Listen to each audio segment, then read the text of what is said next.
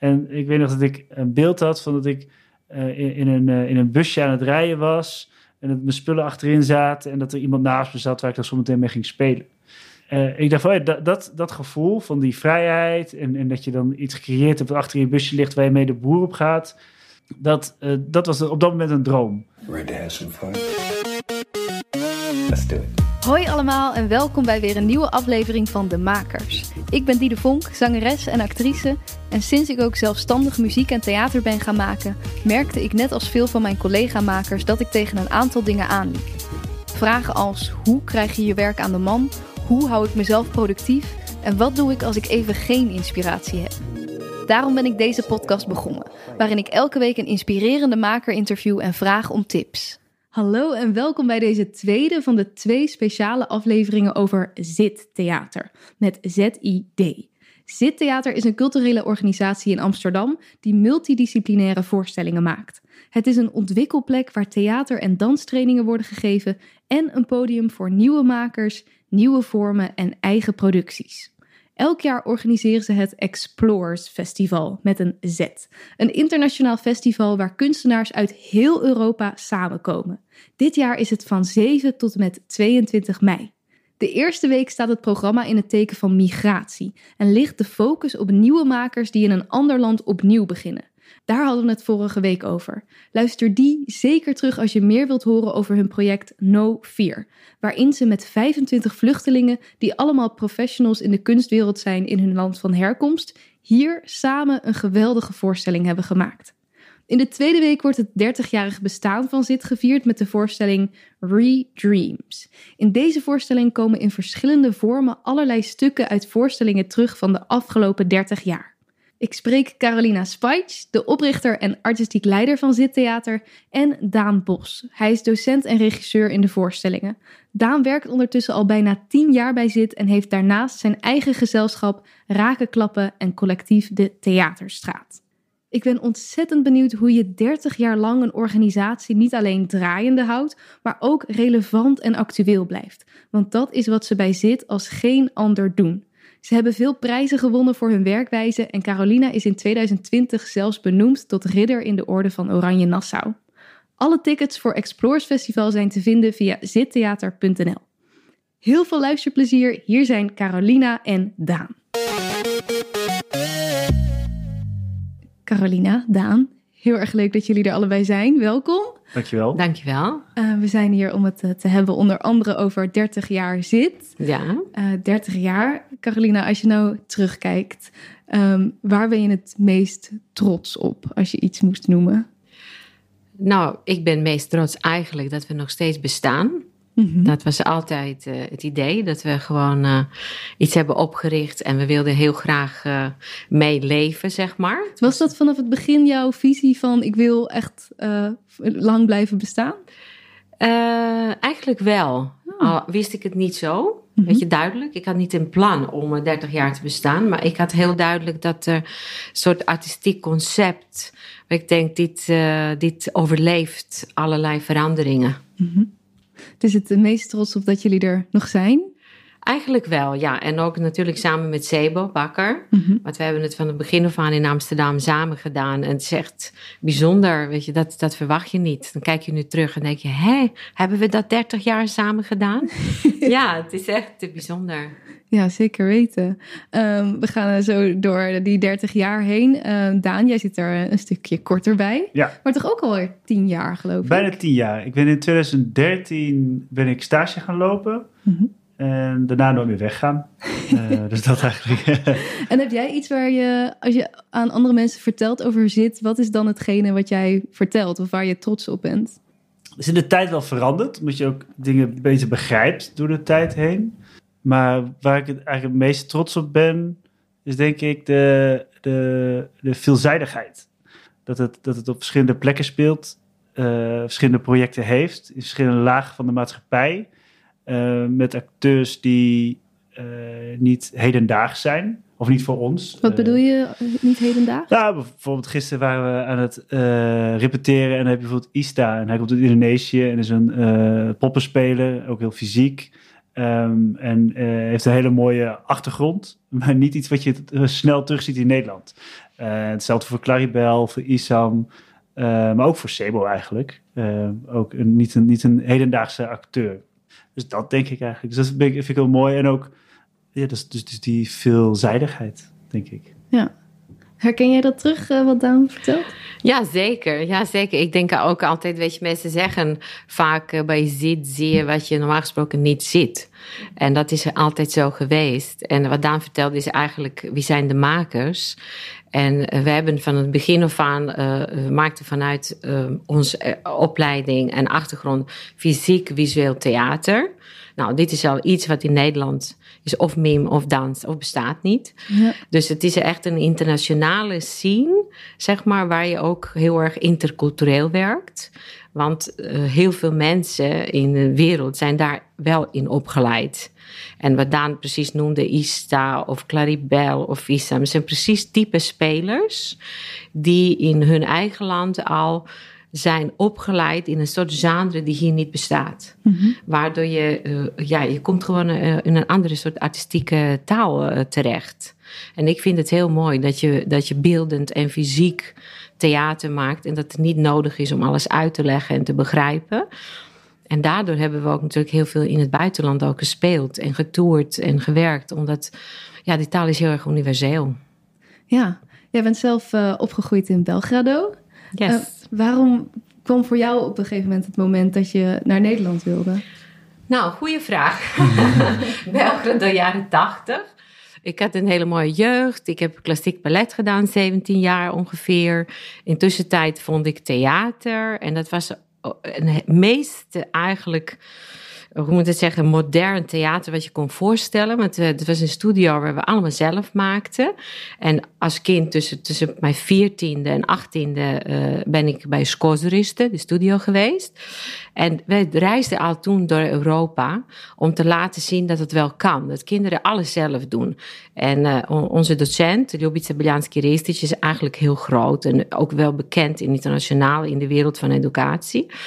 Dus ik heb daarna uh, eigenlijk theater een beetje opgericht uh, met uh, mijn leeftijdsgenoten van 18, 19. Maar wacht even hoor, dat is dus echt op jouw veertiende reis die jij al ja, maakte. Ja, ja, ja, Tsjechië, Engeland, Duitsland met een groep kinderen en een leider gingen we naar internationale festivals om te laten zien hoe kinderen alles zelf kunnen doen. Ja. Dat spreek ik over 19, ja, 1980 of zo. Bijzonder. Ja, ja, Europees. En daarna heb ik in 81 eigenlijk de eerste voorstelling was, dat heette dan Zittheater. Maar het was gewoon natuurlijk, we waren jongeren uit die groep. En we gingen nou zelf eigen dingen doen. Dat was een kleine prins. En we maakten een voorstelling waar het publiek zat in het midden. En alles speelde zich om hun heen. Nou zie je wel, van die concert ben ik ook niet afgestapt, 30 jaar later. Want wij dachten de hele tijd van laten we nou iets anders doen dan klassiek uh, toneel met vierde wand. Daarom heet het ook zit, hè? Ja, kan je dat uitleggen? Wat betekent zit? Ja, zit is eigenlijk een uh, Servisch woord en betekent wand. En voor ons was het vierde wand. Omdat uh, destijds in voormalige Joegoslavië had je heel goede klassiek toneel. Mhm. Heel veel. Hebben we als kinderen heel veel gezien. Want we moesten van school non-stop in theater zijn. Ik oh, woonde ook vlakbij Nationaal Theater. Dus nou ja, ik was er dan ongeveer eens in twee weken. Dus alles wat er speelt, kende ik. Maar ik vond het wel zo jammer, want wij als kinderen gingen gewoon, uh, weet je, kleren, we gingen iets gooien. We gingen, en die acteurs gingen maar door de hele tijd. En wij dachten, het maakt helemaal niet uit. Ik kan net zo goed uitlopen. Ze gaan alsnog door. Dus ze zien ons niet. Ze hebben helemaal geen enkel idee dat we daar zitten. En dat was een soort bam, zo'n uh, informatie. Ik dacht, nou, maar dit, dit vind ik geen theater meer. Ik wil gewoon dat het samen wordt gedeeld. Iets met het publiek en met een acteur die daarvoor staat. zo zijn we begonnen als uh, kids. En daarna zou ik daar een regieopleiding doen. En toen eh, ben ik, heb ik eigenlijk ben ik in clinch gekomen met de academie daar. Want ze zeiden ja, alles leuk en aardig. Je hebt ook prijzen gewonnen als uh, jongere met veel potentie. En de, maar nu moet je afstappen van je, van je idee. Nu straks word jij een regisseur in groot theater en je bent een kleine vrouw. Sowieso niet handig, dachten ze. Kijk nou, Oh. je bent een klein. Hoe ga jij nou in Nationaal Theater 30 acteurs... eh, Ze dachten, dan heb je geen... Shakespeare gaan doen.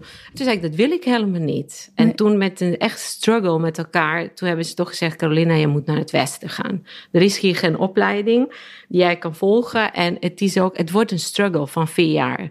We gaan alleen maar struggelen en je gaat niks bereiken, want straks is het alleen maar Nationaal Theater en dit soort theaters hier. Ja, want zij wilde jou echt in dat klassieke... Dat is het enige wat er was. En het is natuurlijk overal zo nog steeds voor een groot deel. Dat je gaat gewoon naar een eh, klassieke type theater of een groep of zoiets.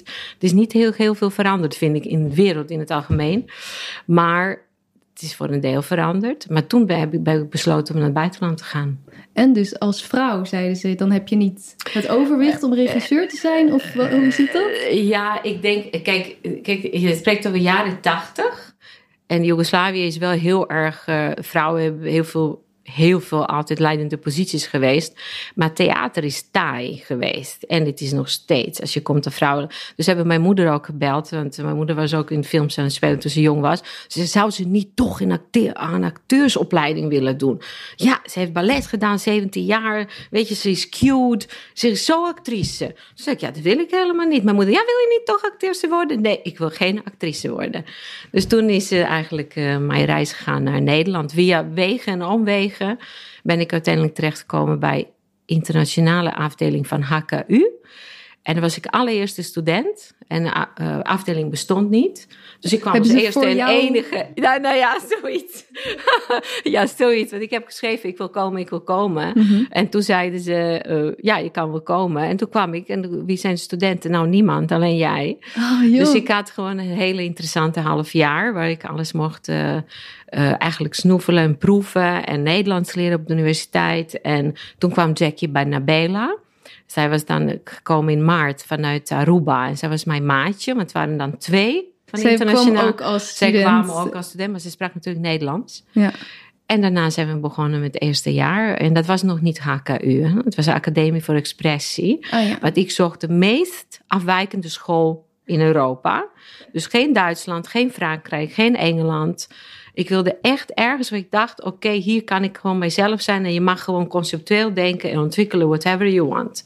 En het was een goede keus. Wat bijzonder. Ja. En je wist dus toen ook al, het moet regisseur zijn of het moet makend zijn. Ja. ja. En de rest van die scholen waren te veel uitvoerend of te Ja, klassiek. gewoon uh, zoals nu inge ingedeeld. Nou, ik geloof dat nu tijd weer ons inhaalt.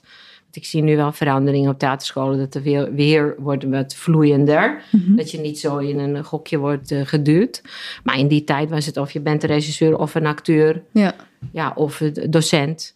Weet je, en op de academische expressie kon je gewoon alles onderzoeken. En uh, je kon gewoon je eigen weg gaan. Daan, jij bent ook naar de HKU gegaan, maar dan een heel stuk later, ah, ja, toen het wel ja. HKU was. Wat was voor jou de motivatie om uh, die opleiding te volgen? Theatermaker heb jij gedaan? Ja, ik heb theatermaker gedaan. Ja, ik, kwam, ik kom eigenlijk uit de sport. En uh, ik wou ook sportdocent worden. Uit de sport, wat, wat deed je? Ja, ik, uh, zelf volleybalde ik. Okay. Maar ik, ik deed de opleiding tot docent. Oh, ja. alleen halfwege die opleiding kwam ik erachter dat ik dat eigenlijk niet wou. Um, je vond het niet leuk? Of? Nou, ja, ik had, ik had een stage gedaan in Zuid-Afrika en dat, dat ging veel meer over het ontwerpen van, van sport. Uh, en dat vond ik zo interessant. Uh, alleen, ik was wel e de enige, zeg maar. Toen ik weer teruggekomen op school, toen zeiden ze, ja, dat is leuk en aardig, maar gewoon nu doen wat, wat we altijd doen. Um, en toen dacht ik, ja, oké, dit wil ik dus niet. En wat wil ik wel? En toen herinnerde ik me opeens dat ik in mijn, het was ik 14 of zo, op school een keer iets had gedaan met toneel en met spelen. En dat ik er helemaal zo in was gedoken, drie maanden, maar dat was toen voorbij. En toen ging ik weer verder met waar ik mee bezig was. En toen dacht ik, hey, is het niet interessant om daar iets mee te gaan doen? Mm -hmm. Toen was ik dus een jaartje of 19 of zo. Dus ik, dus ik ging uh, een workshop doen en een cursus en nog eentje. Toen meedoen met de productie. En toen zei iemand, ja, je kunt ook docent worden. Uh, dus geen docent sport, maar docent theater. Uh, toen ging ik over auditie doen. Toen ben ik nergens aangenomen. En, uh, maar dus eigenlijk vond ik heel veel scholen ook niet zoveel aan. Een beetje wat Caroline zegt, maar dat wist ik toen niet. Dat heel veel scholen best wel klassiek zijn. Of klassiek voor mij was dat dan. Uh, en één school niet, de HKU. Want, uh, en die was eigenlijk heel vrij. Het was ook niet zo'n auditie. Het was veel meer, we kregen een workshop en dan moesten we dansen. En dan moesten we achter een vinger aan van een opdracht van een docent.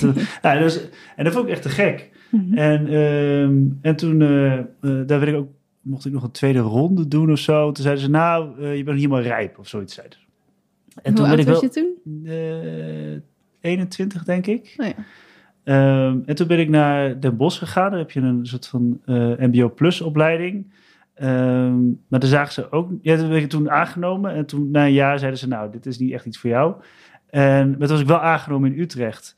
Dus uh, dat zo eigenlijk. Toen kon je daar beginnen. Ja, dat was ook echt mijn focus. Dat jaar merkte ik ook al. Dus ik had uh, op die school, die voorbereiding ook een beetje de ruimte, uh, denk ik, voor mezelf gecreëerd. Ondanks dat ik het misschien zo voelde. Um, om, uh, om zo naar de HKU te kunnen gaan. Ja, want eigenlijk herken ik bij jullie bij allebei dus een beetje... Je kon niet helemaal je plek vinden en je zocht naar een, ja, een, een wat meer plek waar je vrij kon bewegen. Ik denk het, ja. ja. Zeker, ja. En uh, ja, nou Carolina, jij hebt die eigen plek gecreëerd toen als, uh, als zijnde zit. Ja. Um, ja, kan je uitleggen waarom je zelf iets wilde oprichten? Wat, wat miste je wat er nog niet was? Ik kan je ook een anekdote vertellen. Dat uh, uh, na HKU, dan tijdens mijn studie is HKU geworden. Ja. Dus ik kwam aan de Academie voor Expressie, was ik heel blij. Na twee jaar werden we HKU, was ik heel erg verdrietig. Oh ja? Maar ik maakte het alsnog af, want er was nog van die old flavor, zeg maar. Beetje experimenteel en je mocht toch nog je eigen weg doen, kiezen. Daarna werd het iets voor mijn gevoel alweer structureerder. Maar ik heb tijdens HKU eigenlijk, of tijdens mijn begin in Nederland, ben ik gelijk... Eigenlijk was ik in Servië al heel erg fan van Odin Theater uit Denemarken, het Holstebro. Het is een groep die bestaat nu meer dan 50 jaar. Die is opgericht door een Italiaan in Noorwegen en daarna zijn ze naar Denemarken gegaan. Dus ik ben, uh, en ik heb een paar workshops gevolgd bij verschillende mensen hier in Nederland. En ik, ik heb gemaakt, uh, afgemaakt HKU. En ik dacht, bam, ik ga gelijk naar Denemarken.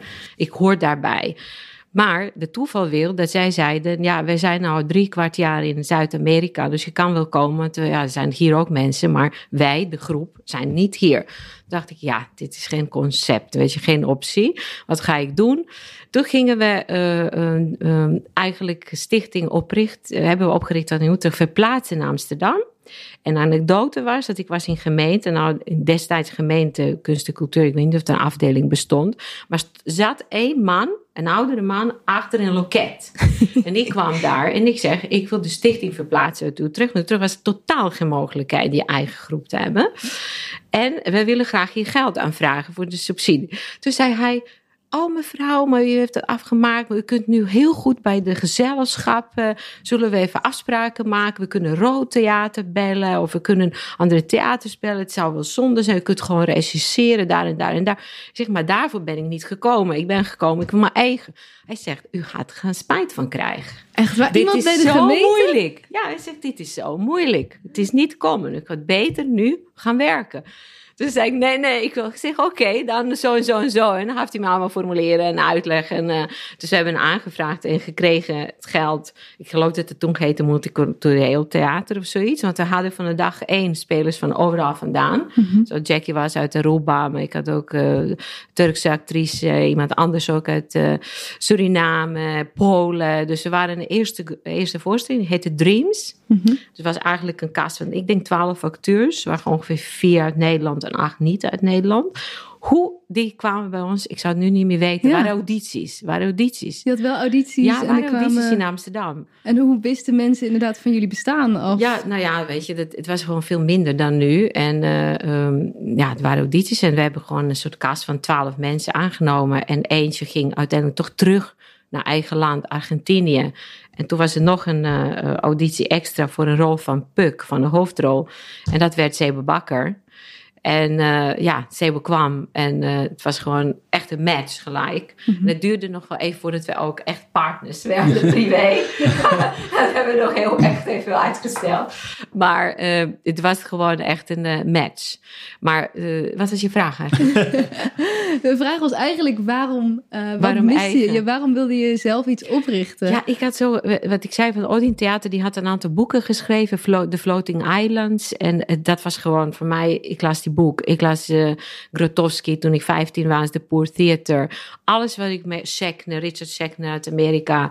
Alles wat ik las, ging het over de kracht van een groep mensen die iets artistiek neerzetten. En dat was gewoon no way een andere type concept. Ja. Voor mij was dat het concept gewoon. En heb ik ook, ik heb daarna met Odin heel veel samengewerkt. Uh, sinds uh, 93 ben ik daar geweest. Ik heb altijd heel veel met hun samengewerkt. Ook een opleiding gevolgd tien jaar, International School of Theatre Anthropology.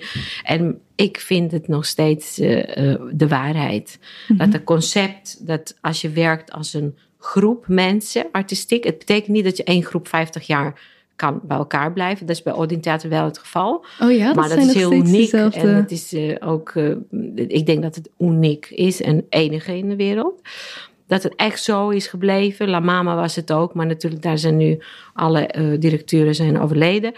Maar het maakt niet uit. Uh, ik denk dat het uniekste is. Waarom? Omdat je dan eigenlijk kan artistiek onderzoek doen en iedereen kan meedoen. Ja. Het, wat wij maken bij Ziet is niet dat ik kom met de tekst en een script en ze gaan het mooi uh, uitvoeren. Het is echt een co-creatie, maar dan echt. We beginnen met een idee en we komen altijd ergens anders uit. En die proces is lang. En iedereen vanuit zijn eigen achtergrond en expertise en fascinaties en inspiratie draagt bij. Ja. Daarom moet je ook een andere type acteurs hebben. Ik denk dat er veel van dat soort acteurs bestaan trouwens, en performers. Maar wij zijn specifiek op zoek naar mensen die die creatieve proces omarmen en daar zichzelf in, in vinden. Dan kunnen ze gewoon bijdragen. Je hebt ook prachtige performers die dat gewoon niet appreciëren en die fantastische dingen uitvoeren. Maar bij ons is belangrijk dat je creatief bijdraagt. Ja, precies. Dat, het, dat je het samen Ja, maakt. en daarom een groep. Want dat is een veilige omgeving. Het duurt lang. Je kan ook mensen zoals we waren hier met, uh, in, uh, bij jouw uh, gast met Isam. Mm -hmm. Je kan mensen, ook jonge makers, je kan ze omarmen. En je kan ze gewoon, eigenlijk, het gaat een wereld openen van hoe kan je creatief zelf aan de slag. En dat zagen we ook bij Isam. Ik bedoel, hij is nu het derde jaar bij ons. En je zag gewoon iemand die wel uh, wat achtergrond heeft, een opleiding, een choreografie en dans, maar is, is niet gewend om zo creatief uh, te werken. En in één keer als hij begon, nou, dat ging gewoon fantastisch. En solo is echt heel mooi. Heeft hij alles zelf gedaan. Ja, precies. Maar wel onder jullie begeleiding. Het klinkt ook, ik vind altijd, het klinkt als inderdaad iets heel anders dan de gezelschappen die, die bekend zijn, die je kent, dan de klassieke gezelschappen. Um, jij vertelde al, Daan, uh, je bent uh, stage komen lopen, nooit meer weggegaan. Um, ja, herken jij dat van wat Carolina zegt, dat je dat maakproces, dat dat zo belangrijk voor jou was? Of wat was voor jou de belangrijkste reden dat je zit zo fijn vindt om, het daar, om daar te werken? Um, nou, waar ik bij zit, geko- of bij zit al gekomen en gebleven ben, ging heel erg over uh, dat, dat ze met hun producties, uh, dus voorstellingen, niet, niet hun omgeving ontkenden. Dus als ze ergens naartoe gingen, bijvoorbeeld dan een voorstelling en dan gingen ze bijvoorbeeld naar Utrecht, gingen ze op zoek, hey, zijn er groepen die misschien mee kunnen doen op wat voor manieren, uh, wat voor manieren ook in deze voorstelling. En dat kan heel klein zijn door briefjes te schrijven die ergens opgehangen worden. Of misschien een koor wat opeens een lied gaat zingen. Of misschien wel mensen die uh, in Utrecht wonen en opeens aan willen haken met het hele voorstel. Dus, dus dat je uh, op die manier uh, ook kijkt naar je, naar je voorstelling, maar ook naar je omgeving. Dus dat, dat was ten eerste voor mij. Van, dat vond ik er interessant aan. Dat, ja. er, dat er niet een soort van geïsoleerd plekje is waar dan even iets gebeurt en, en, weer, en weer weggaat. Um, en daarin zit natuurlijk heel erg dat de, de vraag naar de performer van... Uh, ja, maar wat wil jij hierover zeggen? Dus je, hebt een, je kan een thema hebben of je kan een concept hebben. Maar ja, als performer uh, vult in de, de, de, de, het, script. Ja, maar dat uh, lijkt me ook heel moeilijk. Want daar hadden we het vorige aflevering ook wel over. Want je hebt al die verschillende... Uh, nou, niet alleen letterlijke talen, maar ook theatertalen, bewegingstalen. Hoe krijg je dan toch dat samen tot iets wat, wat, een, wat, wat één geheel is. Ja, eh, dat klinkt nu wat ingewikkeld. Maar dat is denk ik wel wat Caroline in het begin wil zegt. Dat je, als je zo sterk beeldend eh, werkt en ook uitgaat van de kracht van iemand. Dus bijvoorbeeld van iemand die uh, Javaanse theater kan of, of Balinese danser. Of, en als je, als je vanuit zo'n kracht gaat en je neemt een groep daarin mee, dus dat hij even zo'n groep even mag ondersteunen om iets te doen, dat daar ook een kracht in zit die misschien in instantie um, je misschien wat gefragmenteerd lijkt of zo, maar heel mooi bijdraagt aan de, aan de voorstelling. Um, en wat ik ermee bedoel te zeggen is dat ja, de kracht van, van dat soort dingen uh, uh, misschien haast op zichzelf staat en, en dat uh, je voorstelling meehelpt. Het is een beetje vaag wat u zegt. Ja, het is moeilijk. Lijkt ja. Nou ja, is, kijk, je, je begint met een concept of met een vraag. Dan laat je dat misschien even los in het maakproces. En op een gegeven moment ga je weer terug naar die vraag. En wat hoort er nog bij die vraag? En het ingewikkelde voor mij, dus ik, weet niet, ik denk voor Caroline ook hoor, als je daarmee aan het maken bent, uh, is dat je dan ook wel eens moet zeggen: sorry, maar dit past er niet bij.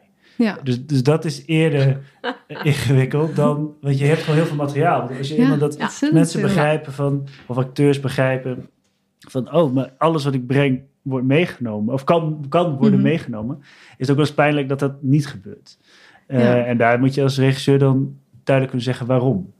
Ja. Uh, en ja, dus dat denk ik. Ik zie veel herkenning bij jou. Uh. ja, ja, maar het gaat ook een beetje iets vooraf. En dat is gewoon uh, met wie gaan werken. Mm -hmm. Weet je, wij zijn, wij zijn altijd op zoek naar performers die dit ook vanuit eigen cultuur, traditie, opleiding een beetje kennen.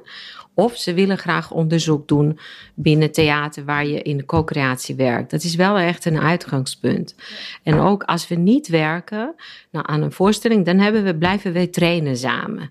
En dat trainen, dat betekent eigenlijk uh, op zoek zijn naar de codes en hetzelfde uh, artistieke taal. Dus waar, waar, waar hebben we overeenkomsten en waar hebben we verschillen? En de training klinkt nu, die geef ik niet.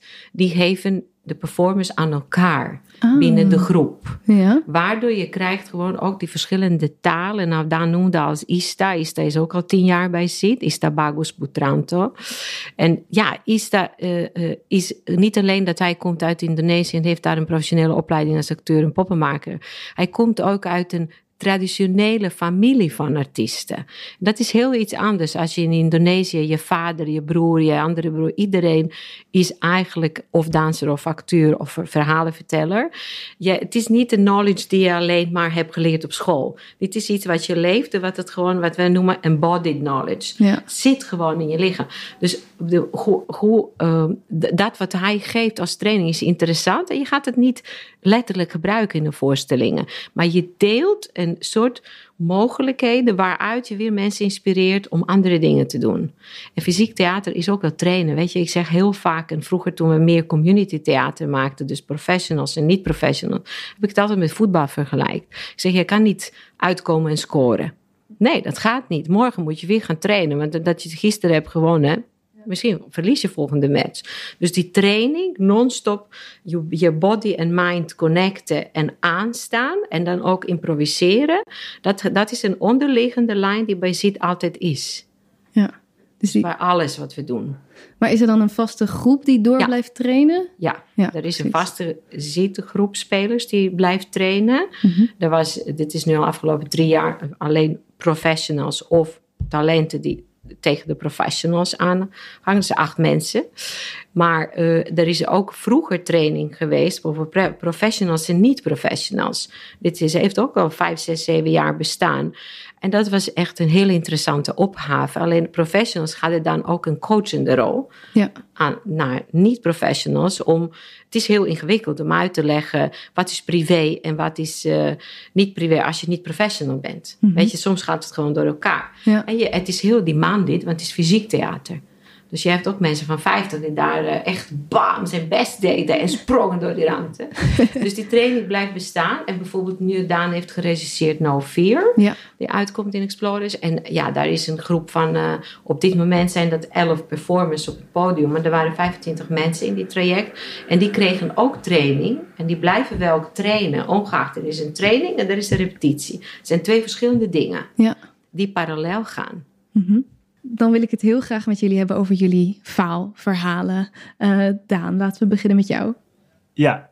Ehm, nou, in, het begin van de podcast hadden we natuurlijk over dat, dat ik eh, bij ZIT kwam, omdat ik het heel bijzonder vond dat we eh, als ze ergens gingen spelen, dat ze hun omgeving erin betrokken en, eh, ehm, en daar ook gevoelig voor zijn, voor hoe je dat dan moet doen.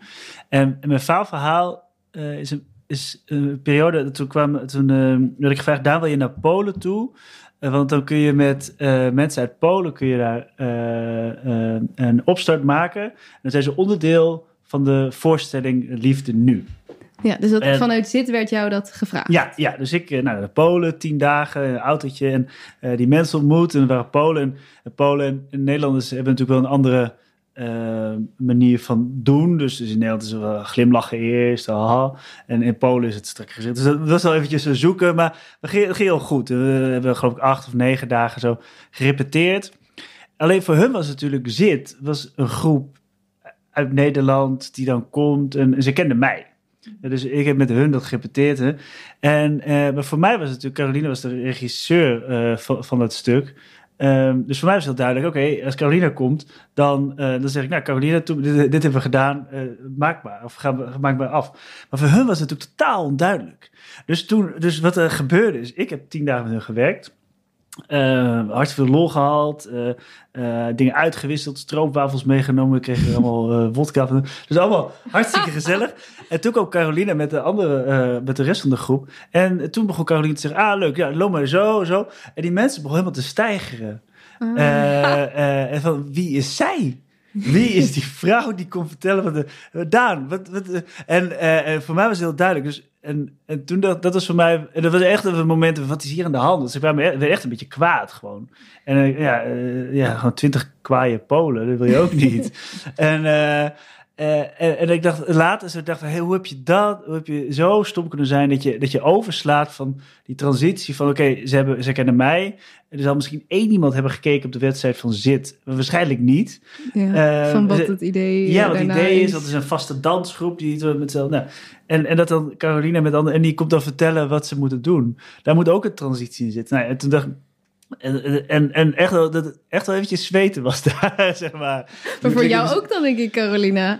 Nou ja, leuk dat Daan dat eh, noemde, want ik heb het niet zo. eh, ik- we hadden er gewoon, we zagen dat er iets totaal eh, niet duidelijk was. Maar eh, weet je, als regisseur heb je vaak zoiets dat je.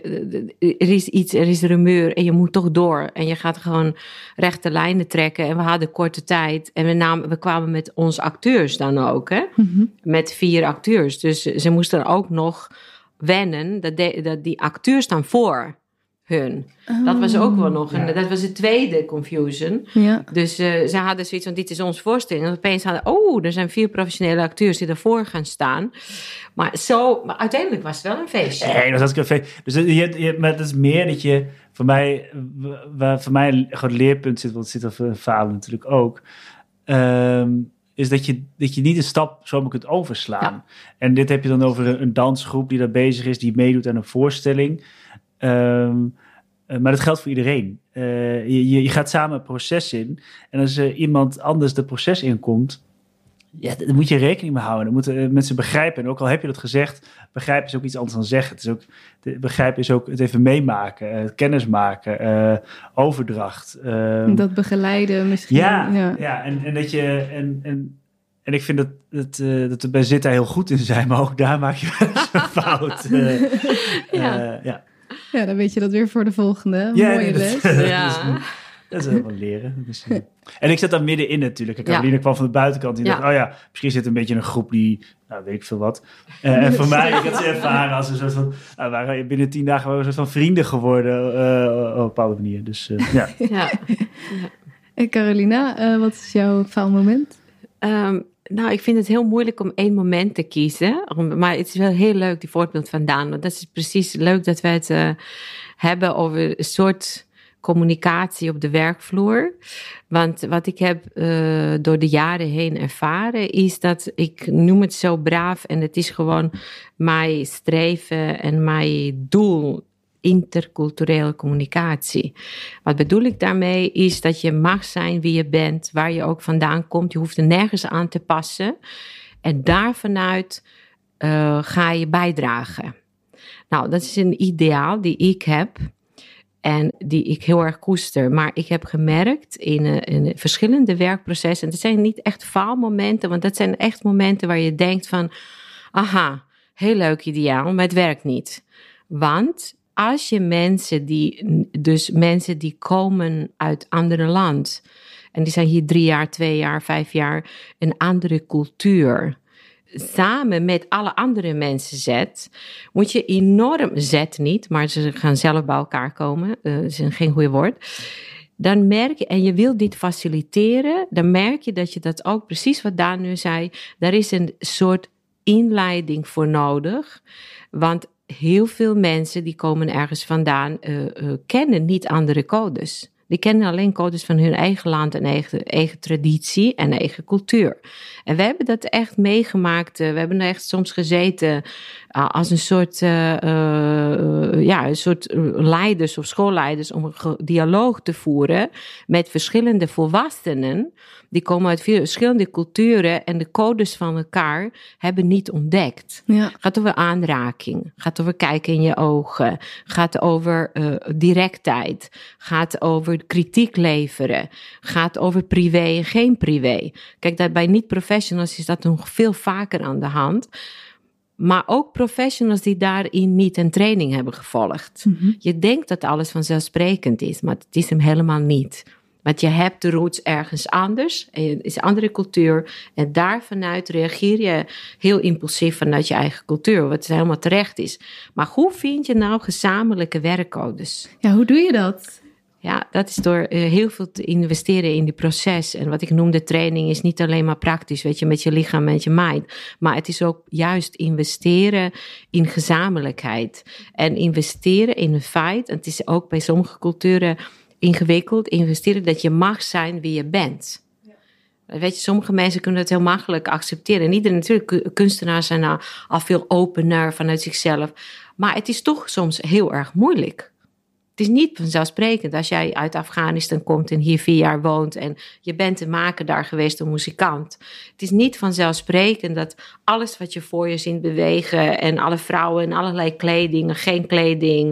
Het is niet vanzelfsprekend dat je alles zo uh, leest zoals wij het lezen. Mm -hmm. Daar is echt nodig een soort brug.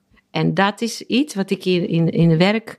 Het is ook een beetje wat Daan zegt. Die, die, die communicatie, interculturele communicatie, is gewoon heel erg interessant. Het is ook, nu wordt het genoemd postkolonialisme in bepaalde context. Maar het is meer dan dat. En het is heel ingewikkeld. Ja. En dat blijven we gewoon uh, doen in allerlei contexten. Hier in Nederland, maar ook in het buitenland. Maar je moet daar heel erg stapgewijs. We hebben natuurlijk door de jaren heen een, een, een trainingen daarvoor ontwikkeld ook. Hè? En soort manieren. En er wordt ook gevraagd voor advies bepaalde organisaties. Maar, maar je moet echt stapgewijs laten zien je denkt heel makkelijk, je bent in je, uh, je bent, uh, iedereen is zijn eigen waarde gelaten. Daar denkt iedereen heel makkelijk over. Ja, je mag zeggen wat je wil. Ja, je mag het zeggen, maar je hebt niet gevraagd hoe dat aankomt nee. bij iemand anders. Is dat in waarde laten? Weet je, op zeggen maar wat je wil? Dat is vaak niet zo. En maar dan is... hou je met niemand rekening. Maar ik ga wel wanneer je dat besef had. Dat is natuurlijk een moment Oef. dat het een keer die, had ik, die besef had ik echt van de eerste voorstelling. Ik moet eerlijk zeggen, in 1992, ik was natuurlijk uh, uh, 28 of 27 en ik had mensen van, uh, van de zes culturen bij elkaar. Ik kende alleen Jackie uit Aruba. Opeens kwam een andere jongen uit Curaçao, denk ik. En uh, een actrice uit Turkije. En nog iemand uit uh, Hindoestaans, uit Suriname. En het was al heel spannend. Mm -hmm. Het was heel spannend tussen die jonge mensen. Omdat die codes werden niet ontcijferd. Dus toen had ik al zoiets van, oeh, hier, hier gebeurt van alles onderling. We moeten nu zorgen dat we één sfeer creëren die veilig is voor iedereen. En dat is puur intuïtief, want ik vertrouw 100% op mijn intuïtie. Iedereen is gebleven ook in dat project. Ja. Maar we hebben echt een, echt een uh, proces moeten samengaan van wie vindt van wat van wat.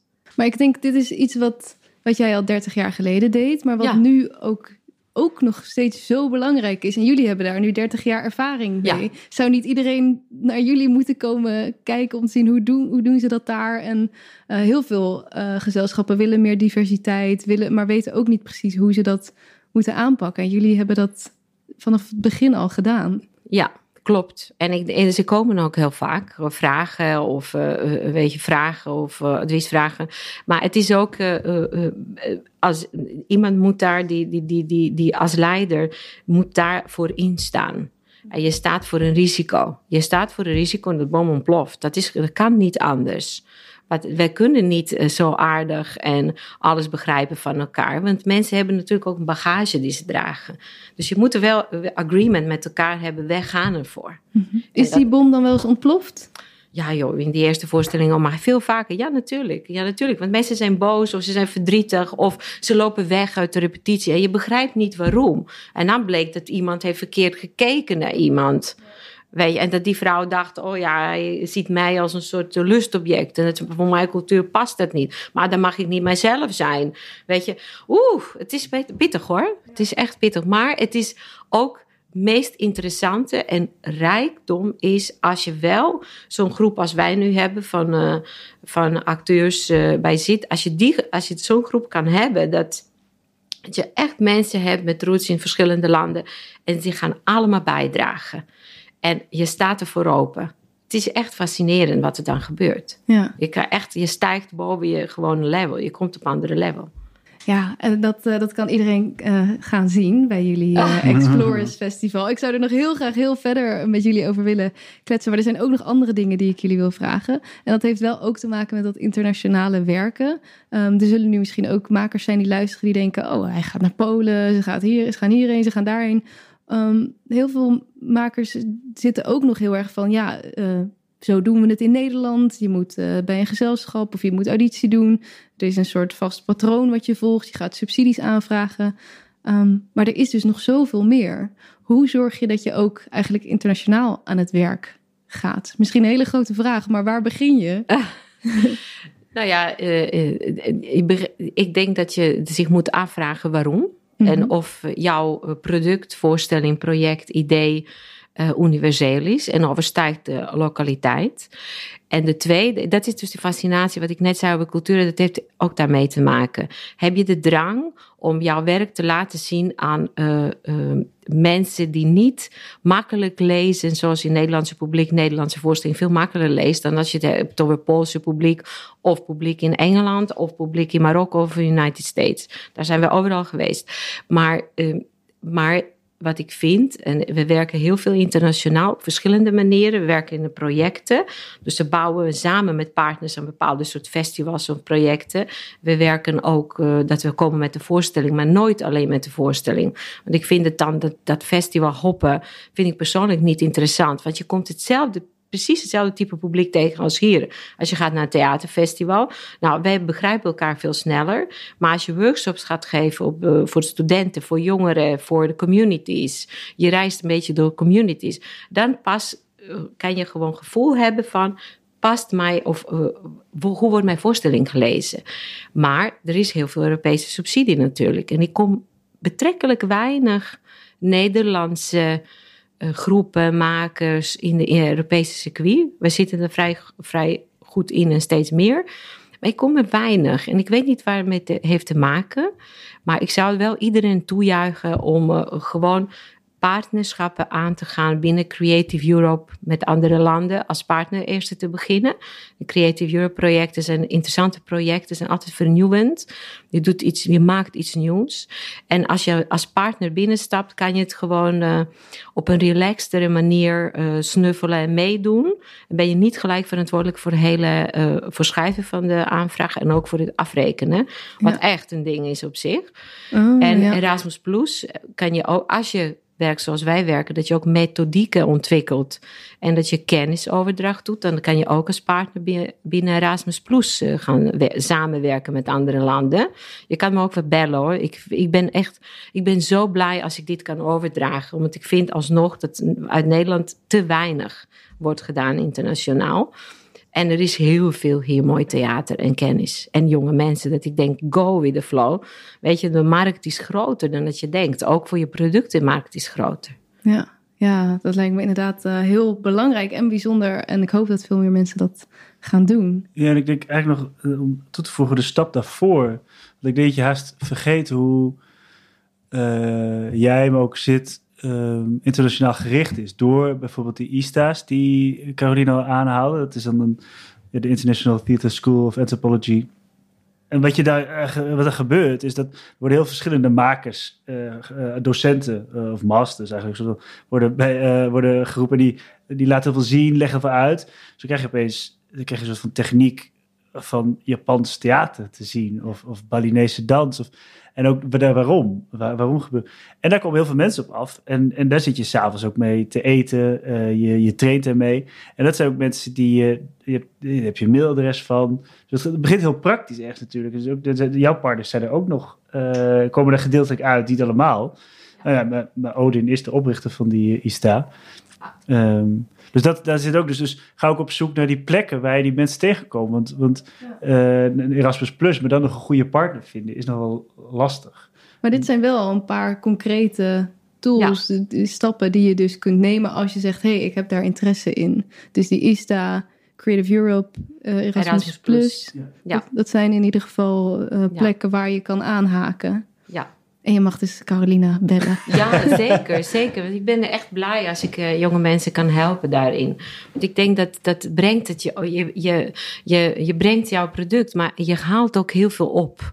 Weet je, je gaat ruimer kijken, je gaat het uh, zien hoe in andere landen theater wordt gemaakt. En je, je gaat ook de, de, de kracht van je voorstellingen en van je, van, je uh, van je producties ga je ervaren op een andere manier. Ja, heel waardevol lijkt me. Um, we moeten al een beetje gaan afronden. Ik wil nog even met jullie hebben over Redreams. Uh, we hebben vorige aflevering het heel erg gehad over de eerste week van het Explorers Festival. Over de, nou ja, het thema migratie. Um, in de tweede week zijn, is er de voorstelling Redreams. Die vertelde net al, de allereerste voorstelling wat was Dreams. Uh, nu dus Redreams. Uh, wat is dit precies? hoe ziet het eruit? wat gaan mensen zien? Um, nou ja, we, uh, even heel kort, maar Daan, Daan zit erin, dus ik kan ook heel veel over vertellen. Mm -hmm. uh, we hebben besloten om een, eigenlijk een locatievoorstelling te maken, waarin geïnspireerd op, op voorstellingen van vroeger nieuw werk wordt gemaakt. Waardoor je eigenlijk op zoek bent naar wat is nog actueel, wat is universeel en wat overstijgt de tijd. En er zit een, een, een, een, groep van zittheater, maar ook een andere makers zijn uh, nu met ons aan het werk. Dus ook wel interessant. Daan zit er ook in. Wat doe jij voor iets, in, Daan? Ja, te zeggen, ik, ik speelde nooit bij zitten. Ik was alleen aan het maken. En echt tijdens corona, toen uh, rolde ik daar wel in. En nu zit ik dus daar in de voorstelling. Dus daarom zeg ik het ook zo. Um, ik heb, een, ik heb een, op een locatie stuk tekst van een van de eerste voorstellingen volgens mij. Ja, of, van Home Mix, nou, van midden, middenfase, oh, 2005. En, en, en, die gaat, uh, en die gaat heel erg over, voor mij, die, de, de tekst die erin gaat, gaat heel erg over ontheemd zijn op de plek waar je eigenlijk uh, bent geboren. In ieder geval zo las ik de tekst. En, uh, en het kwam omdat ik een andere tekst eigenlijk uit de voorstelling waar ik dus tijdens corona in zat, had over zo, een stuk tekst eigenlijk over mensen die nadat ze zo bangig naar buiten hebben gekeken, weer naar buiten moeten op, op een gegeven moment. Dus, dus wat je nu ziet, en, voor sommige mensen corona voorbij, maar voor andere mensen helemaal niet, omdat die nog met andere dingen zitten, of zwakke gezondheid of, of angst. Mhm. En, en, uh, en, hoe kijken die naar de wereld? Uh, en toen uh, had ik daar een stuk tekst, maar er was al een tekst die ik al mee had iets mee gedaan. Toen Carine, moet jij deze niet proberen? En dat was dus uit die, uit die voorstelling. En ja, dus daar. daar dus... En hoe is dat? Uh, hoe kan het dat zoiets van zoveel jaar geleden nog steeds uh, belangrijk is nu? Hoe, um... Nou ja, ik moet eerlijk zeggen, ik heb de voorstelling nooit gezien, want we hebben ook voorstellingen teruggekeken. ik heb alleen de tekst gekregen, dus ik ging ook, en de tekst is vrij fragmentarisch op een bepaalde manier. Dus haast iemand die aan het ja, aan het soort van hardop aan het praten is tegen zichzelf. En ik moest hem gaan interpreteren, dus ik heb hem zo geïnterpreteerd. Dus ik weet niet of dat toen ook zo. Uh... Dat is ook de bedoeling geweest, weet je, dat je vanuit dat je, dat je kijkt of het, of het resoneert met hier en nu. Ja. En uh, sommige voorstellingen kunnen we terughalen, maar sommige hebben we ook geen uh, video's van. Of we hebben, maar het is een heel grote operatie. En het, het is ook niet het idee dat het een soort museumfunctie heeft. Deze voorstelling is eigenlijk uh, ik vind het echt uh, gaaf. Uh, gisteren hadden we ook zoiets, een dramaturg die keek, Thomas Leijen, en die zei ook, wauw, dit is echt wild. Terwijl dit is vrij strak en het, door fysiek werk is het vrij... Maar dit is really wild, omdat we gaan door de hele paan, door verschillende ateliers, door verschillende ruimtes. En iedereen heeft een eigen interpretatie van een soort hier en nu, van een soort droom. Je kan er zeggen, het is ook een soort droomreis. Er zijn ook soundscapes. Ik denk dat het voornamelijk echt een leuke. Uh, voor mensen die geen zit kennen, is het een soort mooie binnenkomen. Want je ziet een, een, hoop sferen en thema's die terugkomen. Maar alles is hier en nu. Eigenlijk, het heet Redreams. Dus het gaat erover wat van je dromen neem je mee. En voor mensen die wel zit kennen voor lange tijd, is het ook een soort wauw. Je herkent het, maar het is niet hetzelfde. En dit is ook onze, uh, denk ik, uh, bedoeling van de zit. Weet je, je bent 30 jaar bezig. En ik ben helemaal niet bezig met de museumfunctie. Ik vind heel, de kracht van ons is juist transformeren met de tijd. Mm En steeds en altijd actualiteit opzoeken. Maar tegelijkertijd actualiteit, maar ook um, dat, dat het voor altijd waarschijnlijk over 30 jaar nog steeds relevant is. Dat hoop ik, maar dat weet ik niet. dat hoop ik, weet je. Maar dat, dat, voor mij is het eh, interessant om te zien hoe Daan dat interpreteert. Of een andere spelers, of Maarten, of Kim, of uh, Naima. Want dat zijn allemaal veel jongere mensen die uh, nu voor het eerst, uh, Naima is een speelster van Zit ook. En die heeft een tekst van 1994 gekozen. Ze zegt, ik wil precies die voorstelling There is no place for us. Dus van 1994. Ik vind de titel zo, ik wil de script lezen. En hij heeft ze zegt, nee, die wil ik echt, die tekst wil ik doen. Dus nou, het is ook wel heel interessant. Dus het gaat over, over geen plek vinden en over relatie met je vader. Nou, die heeft zij gekozen. Weet je, dus dat is ook, vind ik heel interessant wat de spelers van nu gaan, gaan maken.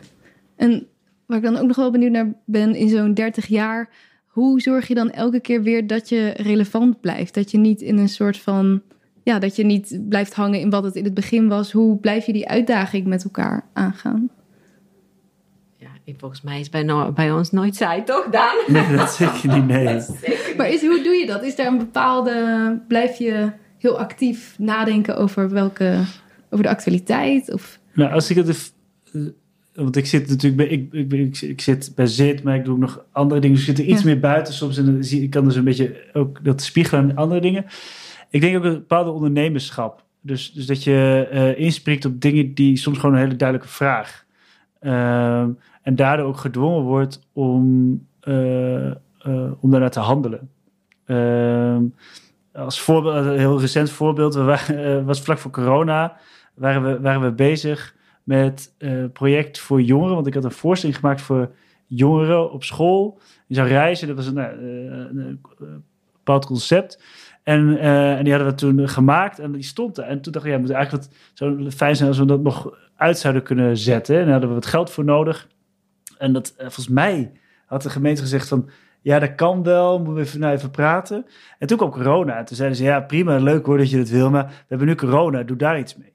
En, uh, en toen wouden zij iets met video's. En toen hebben wij een soort van, uh, een, een, een, een, soort van collages gemaakt van hoe mensen opnieuw naar hun leven zijn gaan kijken tijdens corona. En dat is naar het Amsterdam Museum gegaan. En dat is nu een soort van uh, een mooie expo geworden die heel gaat over die tijdsgeest. En dat komt omdat je dus heel snel schakelt op het moment dat er een, dat er een vraag of een verandering is. En niemand had kunnen zo groot. Uh, maar dit is wel, vind ik typerend voor zit. Dat er niet zoiets is van, ja, maar we willen dit, dit, dit doen. Ja, we willen dit ook wel doen, maar dit is nu even niet, niet aan de orde. Nee, je durft dus ook het weer los te laten en in te spelen op de actualiteit. Wat, wat van ja, vraag. Ja, en dan weer verder te denken. Oké, maar die vraag is nu dit. Maar, dat, want, uh, maar wat is de echte vraag? Ja. Dus wat, wat zit daar echt achter? Hoe maak je dat dan ook weer tijdlozer? Exact, Ja. ja. Nou, dus dan, en het tijdloos is dan niet het doel, denk ik hoor. Maar het is meer, eh, dat gebeurt dan op het moment dat je, dat je de, de, de vraag achter de vraag probeert te achterhalen. En wat was hier de vraag achter de vraag? Ehm, nou, ik, ik denk dat, eh, eh, dat de vraag achter de vraag is: eh, maak inzichtelijk voor, voor een publiek hoe anderen omgaan met een situatie als deze. Dus corona, opeens, je ziet dat de wereld op slot gaat. Nederland ging in instantie nog een soort van light version. Ehm, eh, maar we moeten ons verhouden. Eh, ik, heb mijn lieve oude tantetje twee jaar niet gezien, omdat, omdat dat niet kon en zij bang was. En, en al dat soort dingen. En, en iedereen heeft zijn eigen sores, maar ook weer dezelfde. En, en dat je dat op manier inzichtelijk maakt. En waarom het Amsterdam Museum nog geïnteresseerd is, want die zegt: ja, dit is, dit is materiaal wat over twintig jaar nog teruggekeken kan worden. eh, omdat het zo urgent op dat moment is. Op dat moment is gemaakt. Dus in coronatijd hebben we het gemaakt met eh, portretten gemaakt van mensen daarover. Dus ik denk dat dat de vraag de vraag. Dat, dat, ik maak inzichtelijk hoe anderen dat doen. De verhalen van anderen over het dilemma waar we met z'n allen in zitten. Mooi. Ehm, hebben jullie tot slot nog een advies wat jullie mee willen geven aan andere makers die nu luisteren? ehm, die denken, jeetje, wat een mooie projecten doen zij allemaal. Of iets misschien wat jullie heeft eh, ja, geholpen in jullie eh, weg tot waar je nu bent? Eh, en mijn dochter zit nu op eh, eh, HKA, op de acteursopleiding. En kleinkunst. En ik, ik, ik volg het nu weer opnieuw, weet je, hoe het is als je student bent. Dus daarom ben ik het heel erg, zit dichtbij nu eh, weer, opleidingen. En wat ik voornamelijk denk met het eh, eh, follow your heart. Want ik denk dat dat het allerbelangrijkste is. Dat je heel erg, dat probeer ik ook tegen haar steeds te zeggen, weet je. Blijf heel erg bij jezelf. Ga jezelf niet verliezen door whatever happened. Follow your heart. Follow your dream. Dat vind ik het allerbelangrijkste. Want dan kom je, weet je, dan, dan is het gewoon, dan ben je geloofwaardig. En dan kom je precies daar waar je uitkomt, is de goede uitkomst voor jezelf. Maar Want eh, grote dingen als carrière, geld, voornamelijk in theater is het heel tijdelijk. Mhm. Ja. Het is heel tijdelijk. Theater is zo tijdelijk. Als jij niet komt kijken, dan heb je het nooit gezien. Mhm.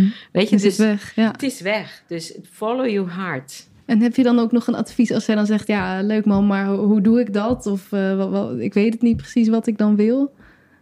Ja, dat is eh, denk ik de, de kunst van, eh, van eh, iedereen die jong is. dat, dat, ja, het is natuurlijk ook heel veel uitproberen, weet je. Maar het is ook uitproberen en tegelijkertijd niet in de trap vallen dat dit is veel geld, dat je wordt beroemd, dat je... Hm. Weet je, het is, het is echt...